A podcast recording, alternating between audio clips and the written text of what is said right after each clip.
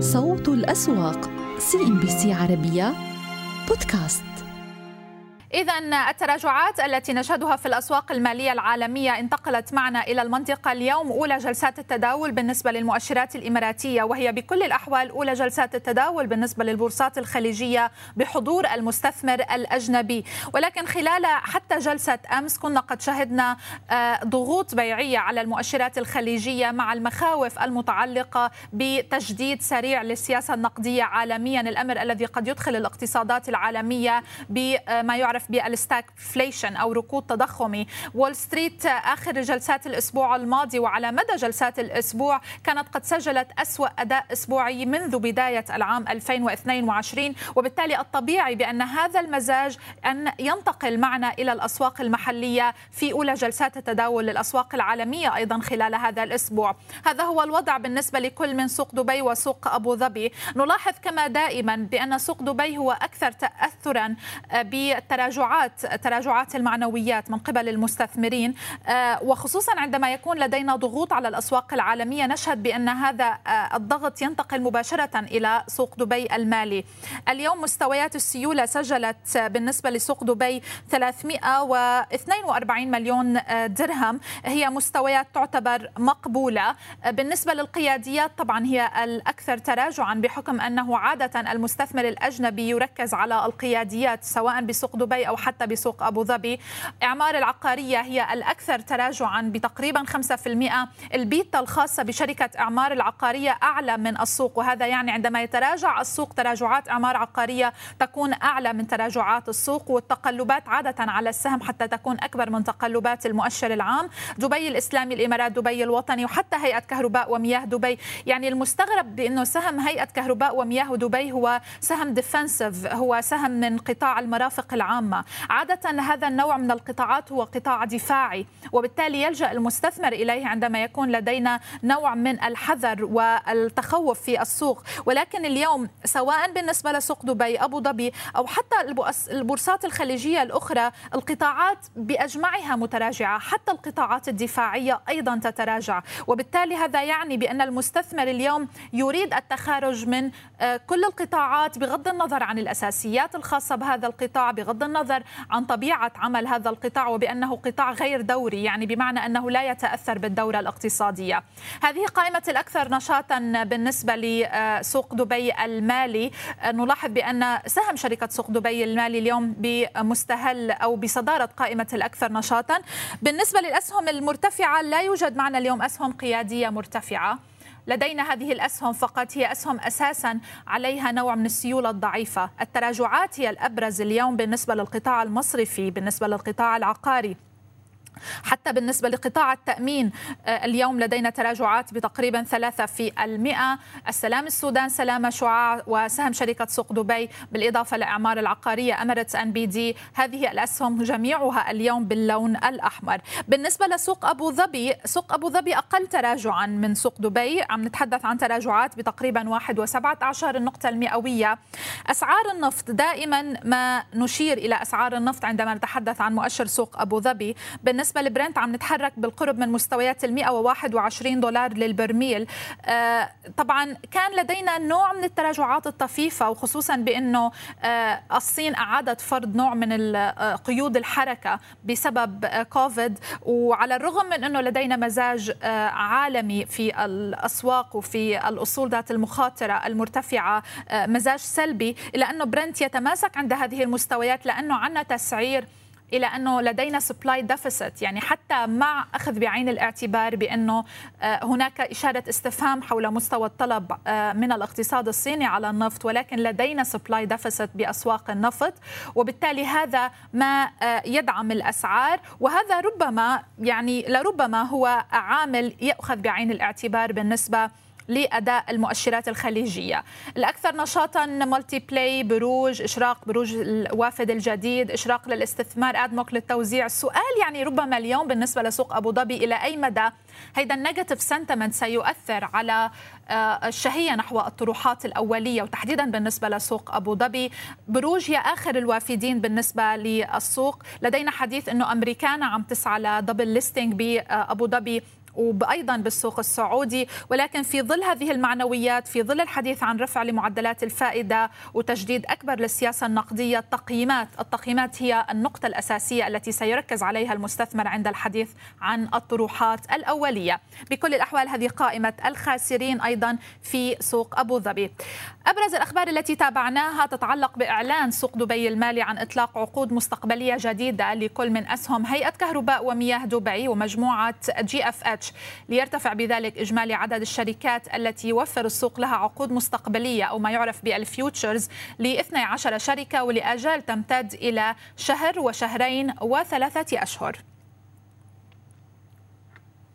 ثبتت وكالة فيتش العالمية تصنيف آه، مجموعة GFH وقدرتها على الوفاء بالتزاماتها الطويلة وقصيرة الأجل عند مستوى B مع نظرة مستقبلية مستقرة على المدى الطويل. كما أكدت فيتش على تصنيف طويل الأجل غير مضمون لصكوك المجموعة البالغة 500 مليون دولار. لمستوى B RR 4 وقد اعتبرت الوكالة بأن أنشطة الخزينة والتي مثلت 40% من الإيرادات للعام 2020 تعتبر أحد الخطوط المتنامية للمجموعة. بالنسبة لسهم GFH دعونا نلقي نظرة على تداولاته في الأسواق. نذكركم بأن GFH أصبح أيضا مدرج بسوق أبو ظبي من بداية هذا الشهر. نلاحظ التراجعات على السهم في كل البورصات المدرج بها أبو ظبي دبي البحرين وأيضا الكويت. أعلنت شركة دانا غاز عن استمرارية حقوق الشركة في امتياز شمال العريش في مصر وأشارت الشركة في إفصاح لسوق أبو ظبي للأوراق المالية إلى أن التقرير الصادر آه، من قبل MEES والذي نص على انتهاء حقوق دانا غاز في امتياز شمال العريش في نهاية العام 2021 فقد كان من المقرر أن تنتهي حقوق الامتياز في منتصف مارس آذار 2022 وأضافت الشركة إلى أنه وبالرغم من ذلك فإن موقف دانا غاز هو استمرارية هذه الحقوق نتيجة لحالة القوة القاهرة. سهم دانا غاز اليوم أغلق على تراجعات بتقريبا 3% وأعلن بنك أبو ظبي الأول إتمام الدمج القانوني لأصول بنك عودة مصر وتغيير علامته التجارية إلى بنك أبو ظبي الأول مصر. وبدأ العمل بالهوية الجديدة للبنك في جميع فروعه في مصر العربية بما في ذلك موافقة البنك المركزي المصري والهيئة العامة للاستثمار فيما سيتم الدمج الكامل لعمليات البنك وأنظمته في الربع الأخير من العام الجاري. بهذا أصبح طبعا بالنسبة لبنك أبو ظبي الأول كنا نتحدث عن هذا الخبر. بهذا أصبح بنك أبو ظبي الأول مصدر أحد مصر عفوا أحد أكبر البنوك الأجنبية العاملة في السوق المصرية. وطبعا سيستفيد بشكل كبير من دخوله إلى هذا السوق. دعونا نذهب إلى أسيد خريسات مراسل CNBC عربية ينضم إلينا من سوق دبي المالي. أسيد لأي درجة نستطيع القول بأن هذه الضغوط على المؤشرات الإماراتية سواء سوق دبي أو أبو ظبي مبررة بالنظر إلى ما يحدث في الأسواق المالية العالمية؟ وال يعني ربما الملف الأبرز هو المخاوف من أن هذا هذه المعنويات السلبية ستؤثر على شهية الشركات لملف الطروحات الأولية. أهلا بك مي وبالساده المشاهدين يعني فيما يتعلق ما يحصل في في في الأسواق المالية الإماراتية هي ليست بمنأى عن ما يحدث في الأسواق العالمية وهذا يعد بشكل طبيعي فيما يتعلق اولا بمعامل الارتباط الذي كما تعلمين هو يفوق أو يتراوح ما بين 70 و90% ما بين سوقي دبي وابو ظبي مع أسواق وول ستريت من جهة وأيضا مع أسعار النفط العالمية من جهة أخرى. النقطة الثانية كنا نتحدث أيضا بعد هذه بيانات التضخم التي أعلنت عنها الولايات المتحدة الأمريكية وبالتالي التوقع الأكبر أو الشبه مؤكد هو رفع أسعار الفائدة في الاجتماع المقبل الفيدرالي الأمريكي وبالتالي سوف تسعى أيضا أو سوف يسعى بطبيعة الحال كما عودنا المصرف الاماراتي المركزي برفع أسعار الفائدة، كل هذه العوامل هي عوامل نوعا ما قد آه، تقلل من الاستثمار وأيضا سحب الاستثمارات آه، في ذات الوقت. آه، فيما يتعلق بموضوع بموضوع الاكتتابات. هذه الاكتتابات وخصوصا في سوق دبي هي شركات حكومية أو شبه حكوميه طبعا لها تاريخ ولها سجل مالي بطبيعة الحال. سوف يتم الإعلان عنه ولكن ربما تعد هذه فرصة جيدة جدا سواء من قبل المستثمرين المستثمرين سواء الأفراد أو المحافظ للدخول في في وسط هذه الأجواء نوعا ما ربما تشكل فرص في بعض الأحيان حتى لو كان الحالة العامة هي سلبية في الأسواق العالمية ولكن عندما يكون هناك طرح وخصوصا لشركات أو كيان حكومي أو شبه حكومي نوعا ما يعد صمام أمان لبعض الاستثمارات كما يحصل مع بعض الأصول الأخرى حول العالم. ولكن أيضا الملفت للانتباه والذي ربما يزيد من الضغط على نفسيات المستثمرين في الأسواق المالية الإماراتية مي اليوم أعلنت حكومة الإمارات عن وجود إحاطة إعلامية استثنائية آه، حول مستجدات كوفيد 19 أو كورونا. وبالتالي هناك توقعات وتكهنات أيضا عن ما يحصل آه، أو ما سوف يصدر من هذه الإحاطة العلمية آه، الإحاطة الإعلامية. هل سوف تكون سلبية أم إيجابية فيما يتعلق بفتح الاقتصاد الإماراتي بشكل عام؟ هذه نقطة مهمة. طبعا هذه الإحاطة العلمية الإعلامية سوف تكون في تمام الساعة الخامسة ونصف بتوقيت الإمارات وسوف نكون طبعا معكم اولا بأول فيما يتعلق بهذه الإحاطة. حتى بالنسبة للأخبار الإيجابية كما ذكرت بالنسبة لل GFH كما ذكرت أيضا بالنسبة لبنك أبو ظبي الأول لم تشهد هذا الزخم الإيجابي أو التحرك الإيجابي مع أنه على سبيل المثال GFH هو يعتبر من الأسهم المضاربية في سوق دبي المالي وبالتالي يكون نوعا ما هناك استغلال أكبر لتلك الأخبار حتى لو كانت هي أخبار يعني ليست بالثقيلة إذا صح التعبير. حتى بالنسبة إلى البنك أبو ظبي الأول بعد آه، الانتهاء من هذه صفقة الاستحواذ على بنك عوده كان المفترض أن يكون على الأقل هناك ارتداد ولكن الضغوط جاءت كما أشرت من الأسهم آه، القيادية آه، ذات الوزن على سبيل المثال مثل الإعمار العقارية. أيضا دبي الإسلامية الإمارات دبي الوطني كلها كانت على تراجعات. اليوم بنسب تفوق الاثنين في المئة وشكلت آه، ضغوط على المؤشرات العامة ولكن النقطة الأخرى التي يجب الإشارة إليها نعم. عند عند عند هذه الموجة الهابطة هناك العديد من من المستويات الدعم التي سوف يتم اختبارها على المدى القصير وخصوصا في سوق دبي المالي بعد أن فقدنا مستويات 3000 1300 نقطة في سوق دبي ومستويات 9500 نقطة نعم. في في سوق آه، أبو ظبي. وبالتالي الآن ربما تسود هذا آه، هذا الأسبوع حالة الحذر حتى آه، إعلان الفدرالي الأمريكي عن الزيادة المتوقعة أو الشبه مؤكدة بالنسبة لأسعار الفوائد. وأيضا ربما يكون لم يبقى إلا القليل عن انتهاء النصف الأول. وبالتالي هنا تبدأ المراقبة. وأيضا انتظار إعلان الشركات عن نتائجها بالفعل. والتي تأثرت أو لم تتأثر بتلك الاقتصاديات العالمية وبالتالي ربما تكون هذه أبرز العوامل الرئيسية التي سوف تؤثر على الأسواق في الإمارات. بالفعل يعني أسيد تحديدا بالنسبة لنتائج الشركات في ظل هذه البيئة التضخمية. إلى أي مدى قد نشهد تأثر هوامش الربحية؟ وإلى أي مدى قد يتأثر حتى ملف التوزيعات النقدية بالنسبة لهذه الشركات بهذه البيئة الاقتصادية؟ شكرا لك أسيد خريسات. ومؤشر البورصة القطرية لم يكن بمنأى عن التراجعات التي شهدناها في الأسواق المالية العالمية أو حتى في الأسواق المحلية.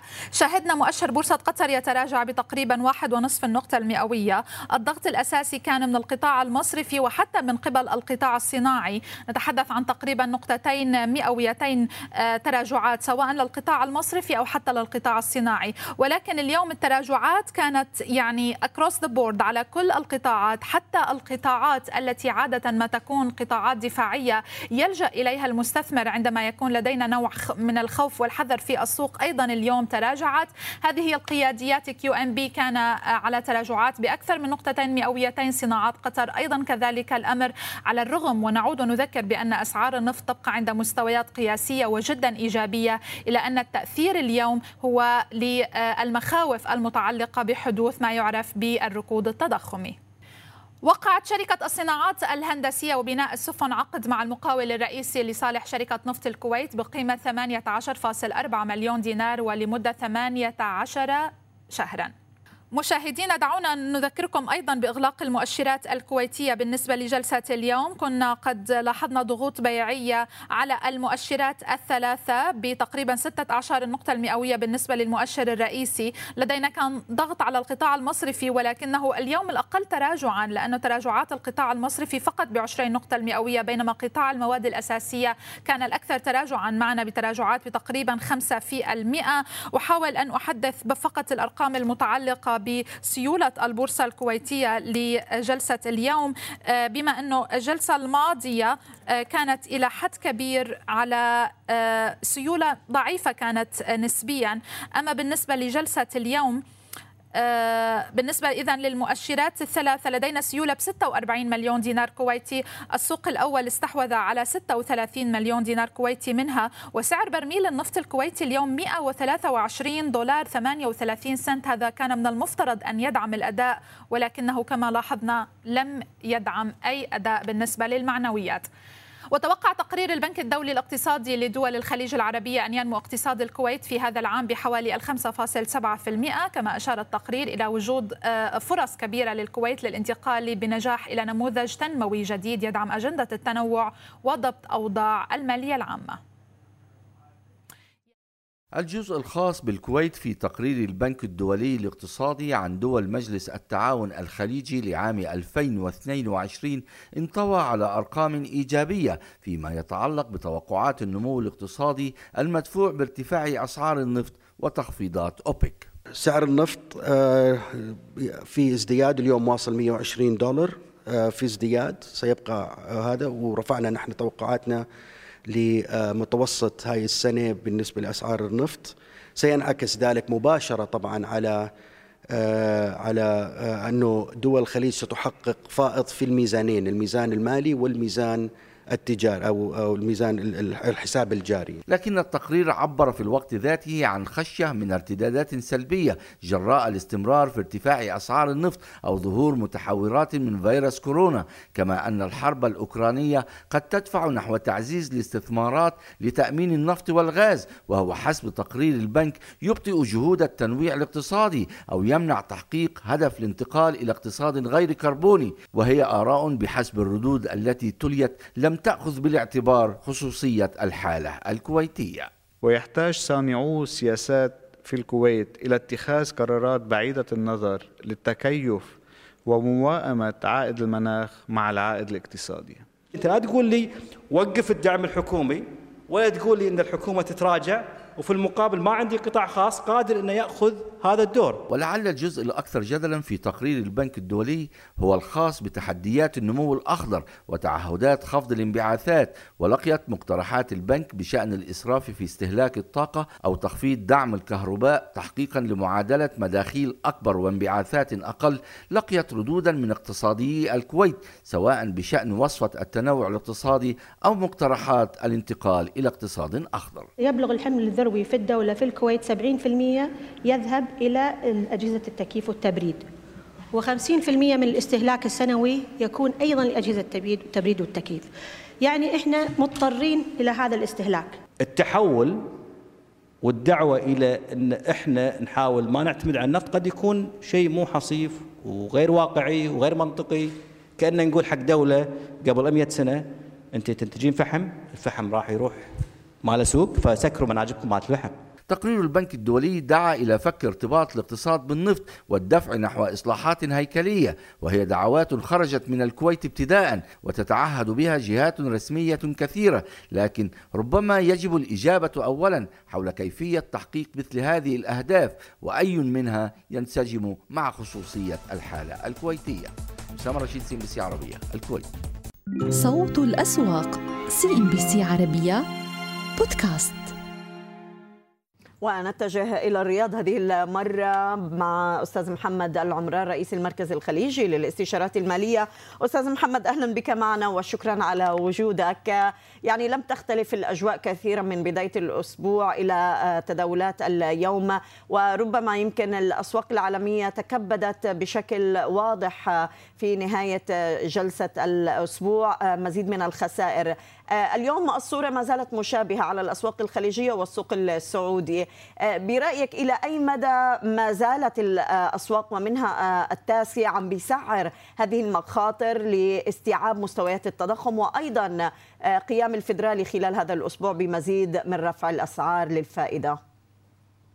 آه، بسم الله الرحمن الرحيم. آه، مثل ما نقولها دائما يعني التاسي العوامل الداخلية ممتازة جدا نمو اقتصادي ربحية شركات. آه، متصاعدة مستويات تقييم يعني نسبيا مرتفعة لكن نمو أرباح الشركات يعني في رأينا يبرر يعني مستويات التقييم هذه. لكن المشكلة الأساسية هي مشكلة مشكلة اقتصادية خارجية يعني بالدرجة الأولى بما يحدث في الأسواق المالية المتقدمة في الولايات المتحدة اللي ظروفها مختلفة تماما يعني. هناك يعني عندهم ارتفاع كبير جدا في التضخم رفع أسعار الفائدة بشكل متسارع يفوق التوقعات. وشفنا كيف الأسواق الأمريكية على سبيل المثال دخلت في عمليات جني أرباح من عدة شهور وبالتالي كل هذه المعطيات الخارجية ألقت بظلالها على أسواق المنطقة بما فيها السوق المالية السعودية.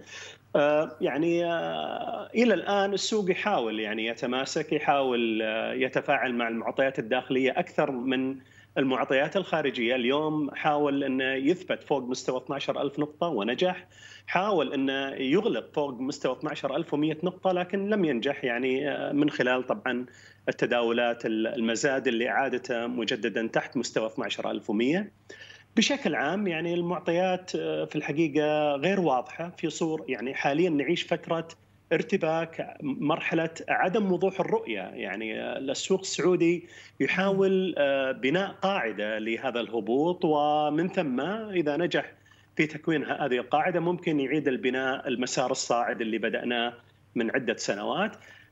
وبالتالي الصورة الآن نقدر نقول تركيز على ما يحدث في الأسواق المالية العالمية على ما يحدث في أسواق الطاقة النفط الغاز وأيضا لا شك طبعا ترقب قرار الفدرالي بعد يومين اللي اعتقد جميع الأسواق المالية حول العالم تراقب هذا القرار لأنه معني بالدرجة الأولى بأسعار الفائدة وبالتالي تأثير أسعار الفائدة عليها بشكل مباشر ومن ضمنها طبعا البنك المركزي السعودي اللي بالتأكيد حيتفاعل بشكل ديناميكي مع أي قرار لرفع الفائدة من قبل الفدرالي الأمريكي. طيب وإحنا يمكن راقبنا بالأسابيع الماضية مستويات السايبر أستاذ محمد يعني مع هذا الرفع إن حدث أيضا بهذا الاجتماع كيف نتوقع أيضا حركة ال SAIBOR هل سنواجه مزيد من الارتفاعات للفترة المقبلة؟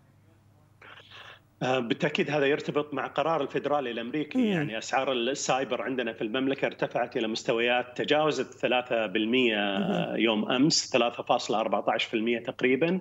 مستوى كبير جدا يفوق التوقعات لأن دائما وابدا أسعار ال SAIBOR في المملكة كانت تتحرك ضمن نطاق الريبو والريبو العكسي، الريبو والريبو العكسي اليوم يعني في حد الأقصى ما يتجاوز 1.75% اليوم إحنا أسعار ال SAIBOR تجاوزت هذا النطاق تقريبا بمسافة كبيرة يعني لما نتجاوز فوق ال 3% وناخذ في الاعتبار إن الفدرالي الأمريكي بعد يومين احتمال يرفع 50 نقطة. هذا التوقعات ممكن يرفع أكثر. وأيضا بعد شهر تقريبا في نهاية شهر يوليو هناك اجتماع آخر والمتوقع إنه يتم رفع حوالي 50 نقطة أخرى. ولا ننسى إن تقارير التضخم في الولايات المتحدة تفوق التوقعات وهذا يعطي إشارات إلى أن ممكن الفدرالي يقوم بعمليات رفع أخرى غير متوقعة خلال النصف الثاني من هذا العام. مما يعني أن إذا تمت عمليات الرفع بهذا الشكل بالتأكيد أنها حترفع أسعار السايبر في المملكة. ممكن قبل نهاية السنة هذه ممكن نشوفها فوق الأربعة في المية ممكن فوق الأربعة ونصف في المية وبالتأكيد يعني هذا يؤثر في الحقيقة على على يعني على سبيل المثال لأن سعر السايبر مرتبط بالعائد على السندات اللي تصدرها حكومة المملكة وأيضا الصكوك وعلى تقييم أو تسعير المرابحات الإسلامية وودائع البنوك اللي تعطيها. وهي مغرية في الحقيقة جدا الآن. يعني العائد على السندات اللي تصدرها حكومة المملكة الآن في الحقيقة يفوق متوسط العائد على الأسهم وأيضا ينسحب هذا على العائد على الصكوك اللي تصدرها حكومة المملكة. ولما نقارنها بمتوسط العائد على الأسهم بالتأكيد إن العائد على السندات والعائد على الصكوك بالتأكيد إنه يفوق علما إن المخاطر فيهم منخفضة تقريبا صفرية في الوقت نعم. اللي المخاطر في العائد على الاسهم يعني مثل ما معروف عالية جدا يعني ولهذا السبب يعني تعتبر منافس جدا ويضغط على أسعار الأسهم في ظل المعطيات الحالية. طيب يعني كل يمكن التوقعات حتى الآن العالمية عم نشوفها ويمكن سمعنا من جيمي ديمون وهو الرئيس التنفيذي لجي بي مورغان أستاذ محمد إنه أسعار النفط وسط هذه الحرب الروسية الأوكرانية قد تصل لمستويات ال 175 170 دولار اليوم شركات البتروكيماويات برأيك قد إيه مستعدة لهذا الارتفاع قد إيه هوامش الربحية ستتأثر آه، وهنا أتحدث طبعا عن البتروكيماويات السعودية يعني كونها ضمن الأسواق الخارجية آه، كيف ستتعاطى صح. مع هذا المستوى لأسعار النفط؟ بالتأكيد يعني إذا ارتفع فعلا أسعار النفط المستويات اللي توقعها جي بي مورغان بالتأكيد إن الشركات البتروكيماوية حتستفيد لأن أسعار المواد البتروكيماوية مرتبطة بشكل غير مباشر مع أسعار النفط، لكن هنا يجب أن نضع في الاعتبار يعني ما يحدث في الحرب الروسية الأمريكية حاليا من خلال طبعا الحرب بين روسيا وأوكرانيا. أمريكا نجحت بحد كبير بعزل الاقتصاد الروسي عن بقية العالم من خلال طبعا العقوبات وما هم مثل ما معروف، والجانب الآخر أيضا روسيا يعني تمهد إلى أزمة طاقة وأزمة غذائية أزمة غذائية حول العالم. وإحنا في النص إحنا لا ندري يعني كيف حتنتهي العملية هذه بين القطبين الكبيرين و لا ندري إذا كانت الأمور حتنفرج أو إنها حتتجه للاسوء يعني وبالتالي مثل هذه التغيرات اللي اللي قاعدين نشهدها على المستوى السياسي اللي أثرت بدورها طبعا على النشاط الاقتصادي بالتأكيد حتعيد النظر بأمور كثيرة. آه الآن مثل ما قلنا ممكن أسعار الطاقة ترتفع النفط يعني المستويات فوق ال 170 175 دولار. إذا حدث هذا بالتأكيد أن الدول المنتجة للنفط حتستفيد من هذا الارتفاع على المدى القصير، أيضا أسعار المواد البتروكيماوية حتنتعش في ظل هذه المعطيات، لكن هذا معناه انه حيرفع وتيرة التوترات السياسية بين أكبر أقطاب آه، السياسة حول العالم اللي هم روسيا وأمريكا من طرف آخر.